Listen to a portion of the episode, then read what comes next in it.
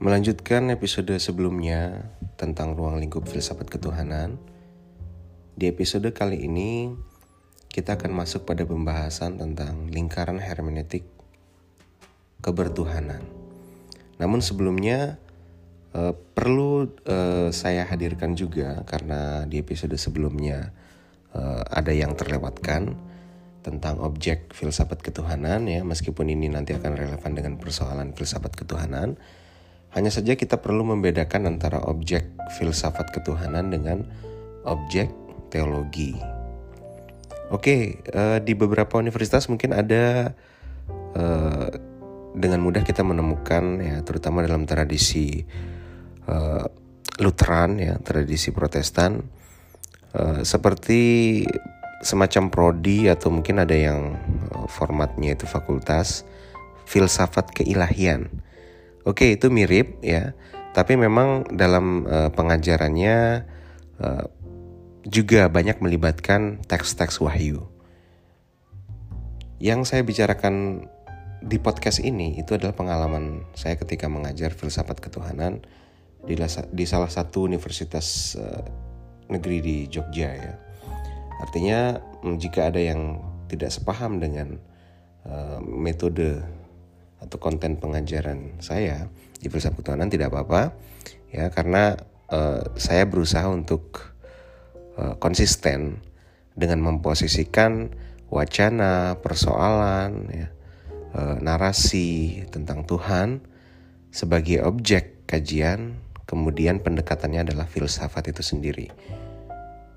Filsafat seperti apa? Ya di sini kita tidak langsung lompat kepada filsafat berbasis ketokohan, melainkan filsafat sistematik yang kemudian kita tentu saja akan melibatkan ontologi ya, kemudian epistemologi, aksiologi, etik, logika dan lain sebagainya untuk mengkaji objek uh, ketuhanan tersebut. Oke, uh, tentang lingkaran hermeneutik jika kita uh, tarik ke dalam konteks seseorang yang bertuhan, maka ada suatu hal yang menarik ya. Uh, apa itu? Di sini saya menghadirkan suatu hipotesa bahwa seseorang yang beriman tidak akan pernah sampai pada suatu stagnasi pemahaman tentang Tuhan. Atau dalam uh, penjelasan lain, seseorang yang beriman Eh, keimanan yang kemudian ia daku, yang kemudian ia eh, bangun, itu tidak pernah bersifat final. Mengapa demikian? Itu adalah konsekuensi kesejarahan. Di sini saya mengambil pandangan hermeneutik dari Hans Georg Gadamer. Tentu saja mungkin pendengar di sini yang uh, baru pertama kali atau masih uh, jarang mendengar istilah hermeneutik, saya perlu memberikan pengantar juga ya. Uh, jadi di podcast ini di episode ini karena kita membahas iman sebagai lingkaran hermeneutik, saya berkewajiban untuk menjelaskan apa itu hermeneutika ya. Atau dalam bahasa Inggris disebut hermeneutics. Pertama, hmm, dalam filsafat hermeneutik banyak diposisikan sebagai metode kalau uh, para pendengar di sini tengok ya tugas-tugas akhir di uh, Fakultas Filsafat UGM misalnya. Di sini nggak apa-apa saya menyebut institusi. Uh, karena bisa kita cek langsung di sana ya di perpustakaan. Uh, ada banyak ya skripsi, tesis, disertasi ya yang kemudian menggunakan metode analisis hermeneutik. Nah, kalau seperti itu modelnya, maka uh, hermeneutik akan setara dengan metode-metode lainnya ya. Lantas apa hubungannya hermeneutik dengan semiotik dan sebagainya? Nah, di situ kita tidak akan banyak berbicara tentang bagaimana relasi antara hermeneutik dengan semiotik. Yang perlu kita tekankan bahwa hermeneutik tidak akan jauh-jauh dari pemaknaan ya. Karena apa? Uh, di sini mungkin teman-teman di sini pernah mendengar seorang dewa ya dalam mitologi Yunani kuno yang bernama Hermes. Tugasnya itu mirip dengan malaikat Jibril. Jadi dia mengantarkan pesan kalau dalam metodologi Yunani ya pesan-pesan dari Olympus ya uh, ya mungkin saja dalam metodologi Yunani ada hierarki-hierarki antara dewa-dewa itu kemudian ada dewa yang tugasnya itu lebih inferior ya artinya dia bertugas menyampaikan pesan ya kemudian pesan yang dari Olympus itu disampaikan kepada dunia manusia ya. Pertanyaannya apa tugas terberat dari Hermes? Mungkin jawabannya adalah dia akan terbang dari Olympus menuju dunia ya. Itu PR banget. Karena ya ya pasti akan mengeluarkan energi gitu kan. Tapi ternyata tugas terbesar dari Hermes bukanlah itu gitu. Tugas terbesarnya adalah bagaimana ia kemudian mengupayakan makna yang uh, ia bawa dari Olympus ya makna yang inherent dalam pesan itu tidak terdistraksi jauh pada saat ia diterima oleh dunia manusia. Jadi di sini ada asumsi bahwa pesan itu ya ya bagusnya sih nggak jauh-jauh beda dari apa maksud dari si pembuat pesan gitu kan. Nah sehingga di sini uh, sering kali hermetika kemudian uh, menjadi lumrah ya menjadi uh, dianggap relevan untuk mengkaji teks-teks suci atau kitab-kitab suci terutama dalam tradisi skriptualis bibliotik dalam tradisi gereja ya. Oke, kemudian uh, kalau kita berbicara Yunani kuno tentu kita tidak uh, akan sulit ya. Saya ganti kata tidaknya, lumayan sulit untuk tidak melibatkan Aristotle ya. Aristotle juga melibatkan istilah ini ya, hermenia kalau di Aristotle ya, di mana para filsuf belakangan Eh, terutama para uh, filsuf-filsuf yang menggagas pemikiran-pemikiran yang relevan dengan hermeneutik berpendapat bahwa Aristotle juga berkontribusi besar ya di mana uh, Aristotle juga aware ya atau care dengan pesan yang terdistraksi ya Nah Aristotle kemudian kan dia kita sebut ya banyak logika-logika yang ia ajarkan ya, yang kemudian kita sebut sebagai logika Aristotelian ya. Sebetulnya ya fungsinya juga sama supaya pesan itu tidak uh, terdistraksi sehingga dia bisa terdeliver uh, secara benar gitu. Nah, namun kalau dalam logika ya itu sebagai instrumen untuk menggaransi atau memperkecil kemungkinan uh, sesat pikir atau uh, supaya kebenaran itu dapat dijamin gitu. Oke dalam uh, kalau kita tarik dalam pemaknaan ya hermeneutika itu apa? Uh, Aristotle menyebut bahwa setiap dialog itu pasti melibatkan pengungkapan. Tentu saja pengungkapan dari pengujar. Pengujar itu kita sebut sebagai subjek A ya.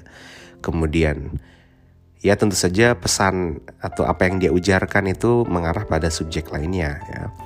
Ya, mungkin dalam perspektif subjek A, subjek B sampai Z itu adalah objek, objek dari pesan yang ingin dia sampaikan. Nah, sehingga di sini uh, hermeneutika merujuk pada uh, konteks Aristotle ya. uh, mengungkapkan itu melibatkan uh, tiga unsur ya, menegaskan tentu saja ketika kita berdialog, ketika kita uh, berpidato. Uh, sederhananya ketika saya membuat podcast ini, saya kan akan mendeliver informasi kepada uh, para pendengar ya. Mendeliver informasi, kemudian saya menegaskan isi pikiran saya, uh, pembacaan saya terhadap uh, materi yang saya sampaikan, misalnya kan saya menegaskan uh, ya kalau dalam konteks psikis mungkin saya mempersuasi para pendengar untuk memahami apa yang saya sampaikan. Nah, kalau ada proses memahami, uh, sorry, ada proses penegasan, berarti saya mempunyai suatu asumsi kebenaran tentang apa yang saya nyatakan, dan saya mempersuasikan para pendengar untuk mengamini atau menganggap benar apa yang saya katakan seperti itu. Kemudian mengatakan ya, mengatakan di sini tentu saja ketika saya berkata nah, dengan esok pagi matahari akan terbenam di sebelah barat. Nah, perkataan saya yang pertama dan kedua tentu saja yang bermakna adalah eh, pernyataan saya yang kedua.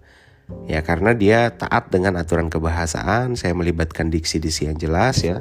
Saya melibatkan uh, aturan main uh, grammar Indonesia misalnya ya. Sedangkan yang pertama tadi kan itu asal ngomong saja, jadi menggumam, jadi nggak jelas, jadi sehingga itu tidak bermakna. Ya. Kemudian unsur ketiga yang kemudian kita kaitkan hermeneutika dengan Aristotle menjelaskan ya erklären kalau dalam bahasa Jermannya ya. Artinya ya seseorang ketika berdialog berkomunikasi ya eh, baik itu komunikasinya melalui teks eh, secara oral ya itu akan menjelaskan sesuatu hal ya jadi eh, pernyataan saya yang pertama yang ngawur tadi yang tidak jelas itu tentu saja saya tidak punya intensi untuk menjelaskan suatu hal tapi kalau yang kedua ketika saya mengatakan bahwa esok esok itu ya matahari akan terbenam ya uh, di sebelah barat itu berarti bahwa saya mengkaitkannya dengan uh, prastruktur pemahaman dari para pendengar ya uh, bahwa matahari itu memang terbenam di sebelah barat dan terbit di sebelah timur seperti itu. Oke, singkatnya hermeneutika itu kalau kita kaitkan dengan intelektualitas ya itu sebuah operasionalitas intelektual dalam membuat pernyataan yang terkait dengan kebenaran atau kekeliruan tentang sesuatu. Jadi kalau ada orang yang kemudian ingin menyampaikan sesuatu hal yang keliru ya, uh, misalnya dia mengomentari bahwa ada kekeliruan dalam konsep ini misalnya, itu berarti dia kemudian menegaskan tentang kekeliruan itu sehingga orang bisa paham bahwa suatu kondisi tertentu itu adalah keliru. Uh, untuk menegaskan tentu saja dia mengatakan ya dan menjelaskan apa sih kekeliruannya. Nah, Uh, itu sebetulnya inti dari hermeneutics ya. Bagaimana uh, apa yang diekspresikan, apa yang diekspresikan oleh pengujar ya, pesan-pesan yang terlontar dari mulut si pengujar ataupun dari jari jemarinya yang menuliskan teks itu bisa terdeliver ke dalam isi kepala dari uh, subjek lain seperti itu. Kemudian kalau kita kaitkan dengan uh, filsafat Yunani lagi-lagi ya, ada juga yang menyebutnya sebagai hermeneutikos, penafsiran ya. Ada yang menyebutnya sebagai mantike, interpretasi sabda para dewa ya. Uh, kemudian para orakal-orakal di sini yang uh, berusaha untuk menyebarkan bagaimana pesan-pesan uh, kedewaan itu. Kemudian hermeneutike ya, memaksudkan atau menunjuk sesuatu.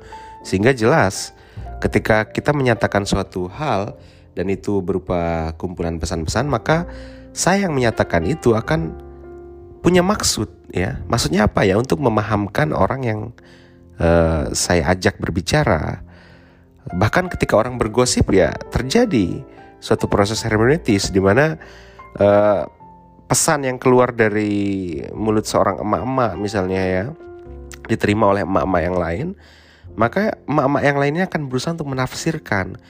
Semisal ada lima orang emak-emak di satu uh, circle itu, ya maka bisa jadi akan ada lima interpretasi yang berbeda.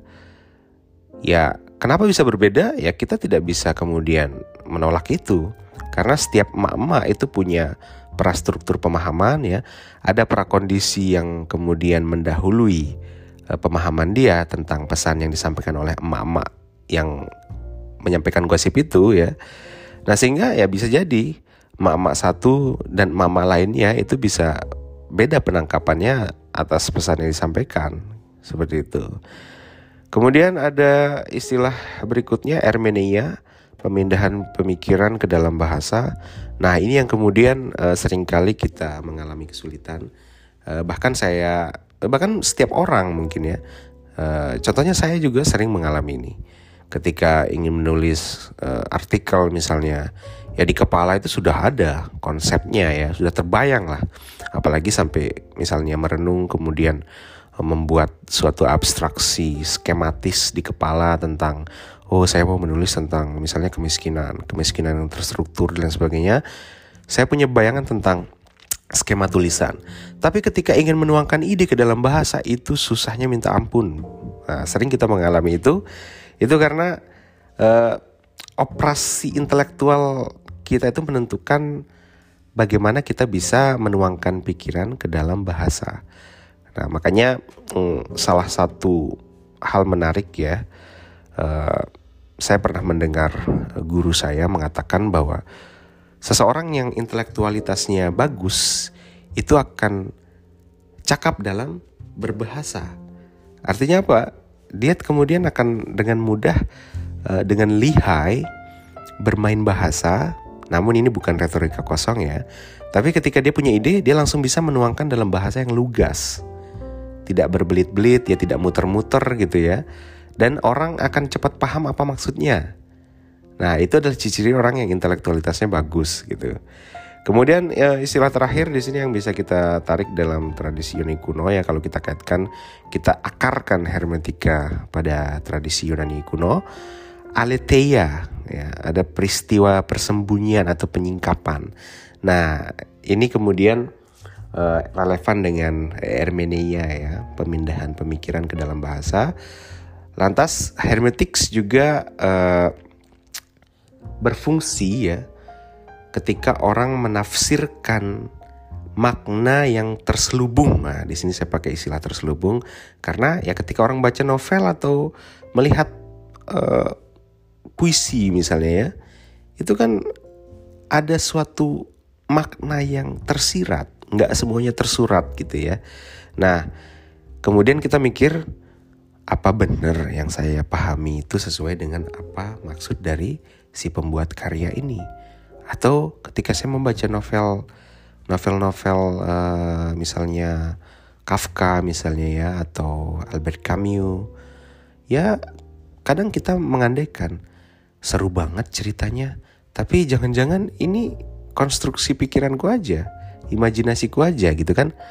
Sedangkan ada yang lainnya yang kemudian yang lebih uh, penting yang diandaikan oleh penulis seperti itu. Jadi uh, itu yang disebut sebagai aletheia ya, ada peristiwa persembunyian atau penyingkapan, penyingkapan makna dalam teks.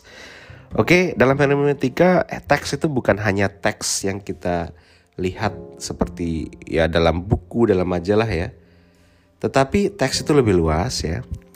Eh, dalam film pun itu adalah eh, teks ya karena peristiwa itu adalah teks itu sendiri. Uh, sehingga kita mengenal ada istilah namanya social text ya. Bagaimana peristiwa-peristiwa itu kemudian dipahami itu adalah masuk ke dalam objek hermeneutics. Oke, itu pengantar singkat tentang hermeneutika. Kita masuk kembali ke dalam uh, iman sebagai hermeneutic circle. Ya. Uh, ini penting karena bagaimana sih, uh, apa sih maksudnya iman itu sebagai suatu proses atau suatu lingkaran hermeneutik. Yang pertama, ketika orang beriman, apa sih yang membuat dia kemudian membangun keimanannya?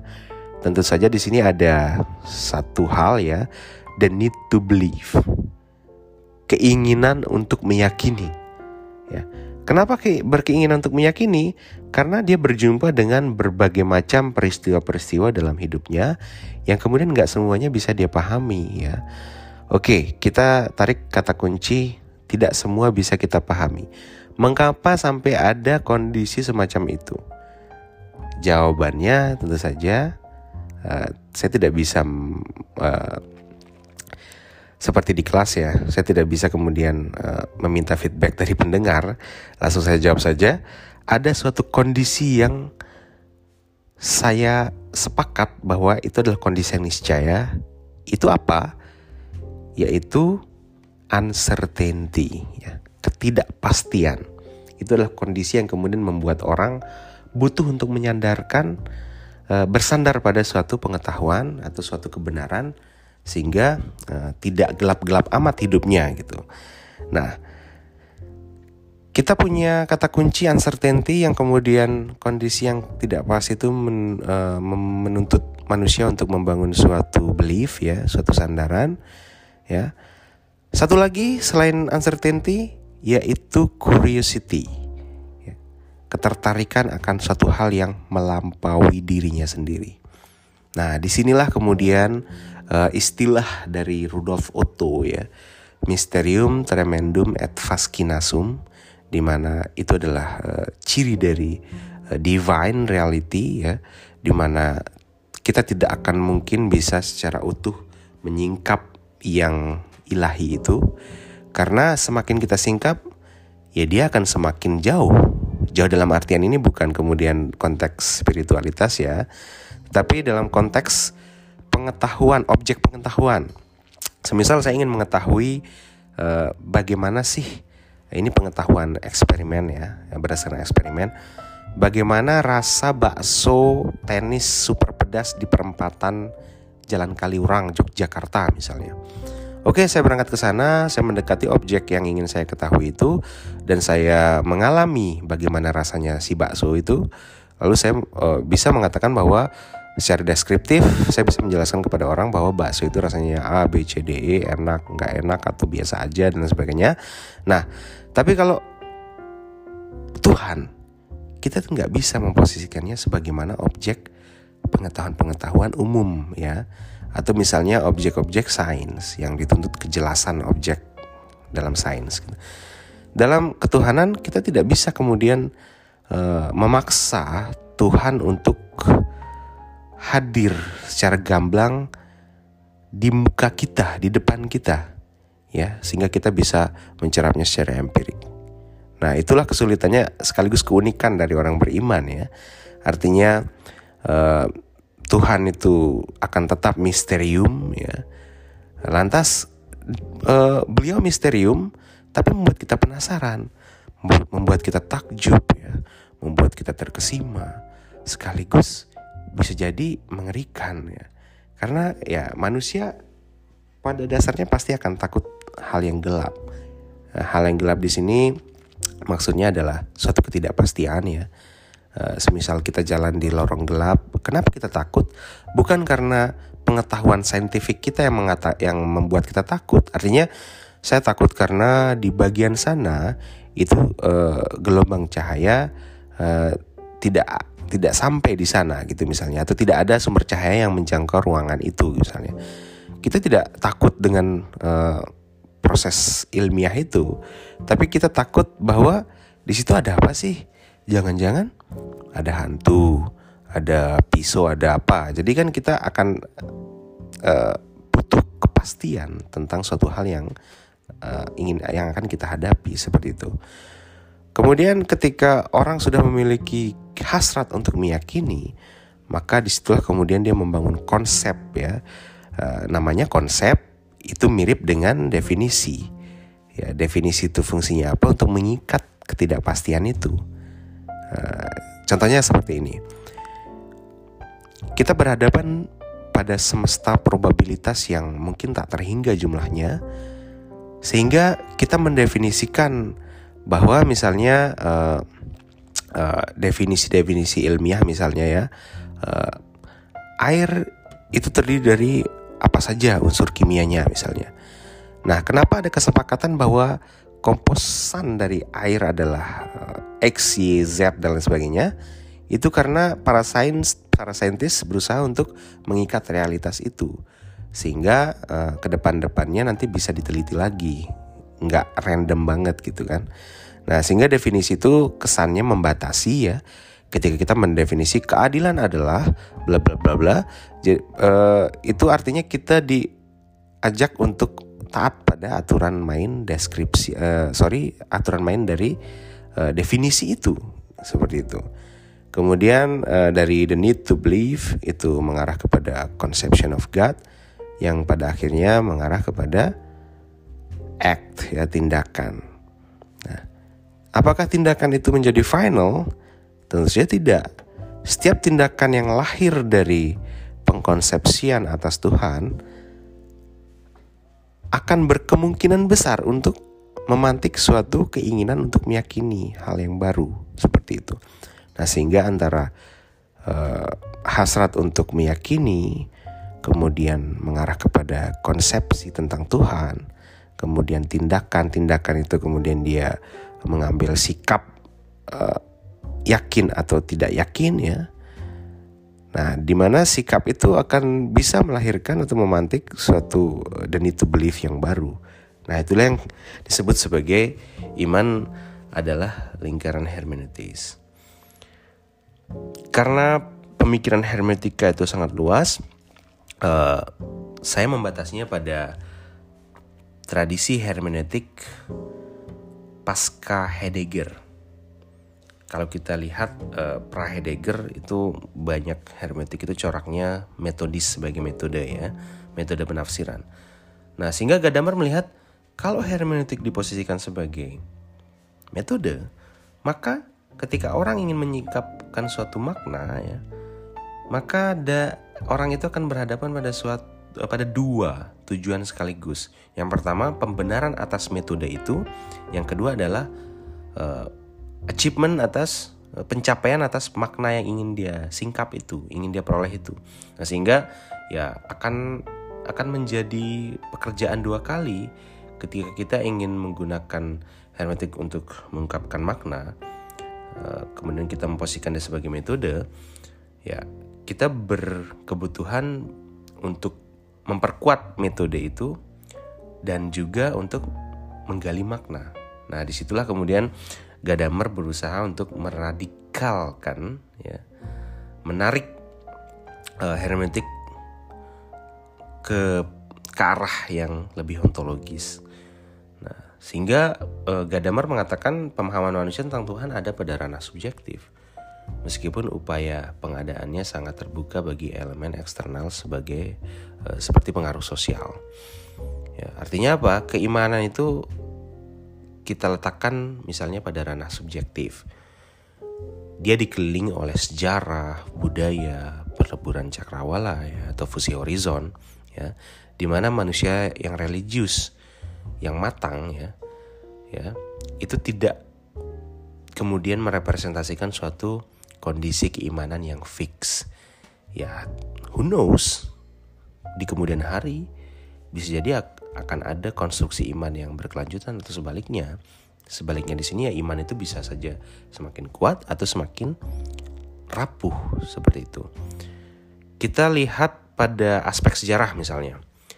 Ketika ada seseorang yang beriman, dia akan selalu terikat dengan keterpengaruhan sejarah. Uh, kalau dalam uh, istilah Jermannya Wirkungsgeschichte ya, artinya kita itu terlempar dalam kesejarahan kita. Kita tidak bisa menolak aturan main sejarah itu, ya.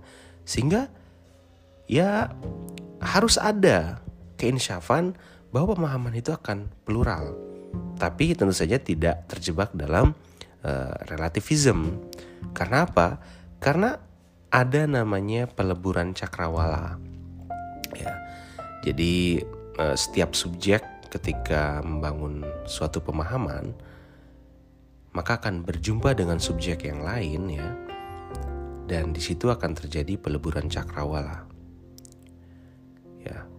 Oke, boleh kita mengatakan keimanan itu sangat subjektif ya. Karena ya seorang yang mengalami Tuhan tidak bisa secara lugas menceritakan atau mentransfer pengalamannya kepada orang lain. Karena pada kadar tertentu pengalaman kebertuhanannya itu terisolir dalam uh, dirinya sendiri ya dalam kepalanya. Dan dia nggak bisa menceritakan pengalaman tersebut ke orang lain. Apalagi pengalaman mistik ya seperti pengalaman ekstase para uh, kaum mistikus gitu seperti para sufi atau para pelaku pelaku uh, tarekat gitu kemudian uh, ada namanya konfigurasi budaya. Ada konstelasi budaya di mana kita adalah uh, anak zaman ya. Kemudian ya kita sebagai manusia nggak bisa nolak uh, adanya peleburan cakrawala itu.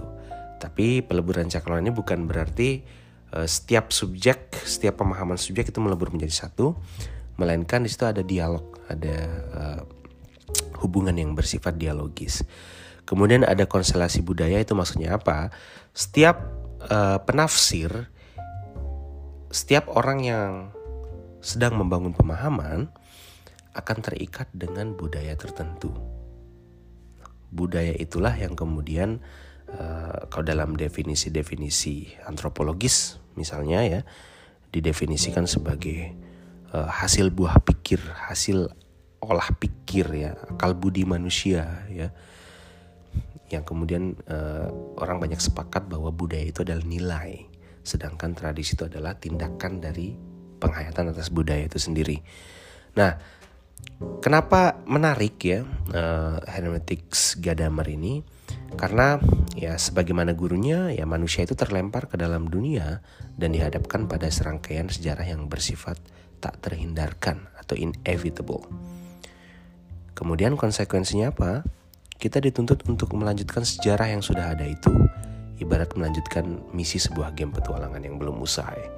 Ya seperti orang yang terlahir, dia lahir dalam uh, konstelasi budaya Jawa misalnya ya, itu tidak akan kemudian secara total bisa meninggalkan apa yang ia peroleh sejak kecil itu.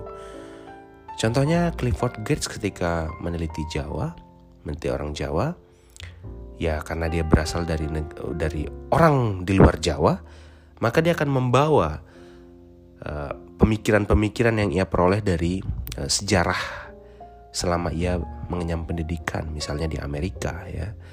Kemudian dia uh, hidup berpuluh-puluh tahun, berbelas-belas tahun, dia berjumpa dengan banyak orang.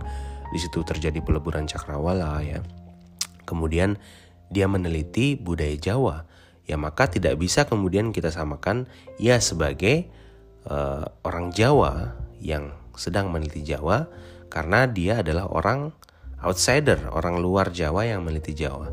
Nah, itu kemudian bisa dibedakan ya antara uh, pendapat uh, Gadamer dengan pendapat yang berikutnya. Misalnya pendapat yang berikutnya ini berkata bahwa uh, orang ketika meneliti sesuatu dia bisa mengenolkan ya budaya yang dia bawa dari rumah ya. Kemudian dia bisa meletakkan di dalam kurung sejarah-sejarah yang telah mempengaruhi dia. Kemudian dia menolak pengaruh dari peleburan cakrawalanya dengan orang-orang lain. Tidak akan pernah bisa seperti itu karena manusia uh, terikat dengan faktisitasnya ya di dalam dunia sosialnya. Sehingga ya eksistensi manusia itu sebetulnya eksistensi yang terikat dengan eksistensi manusia yang lain. Kemudian apa tawaran dari Heidegger dan Gadamer?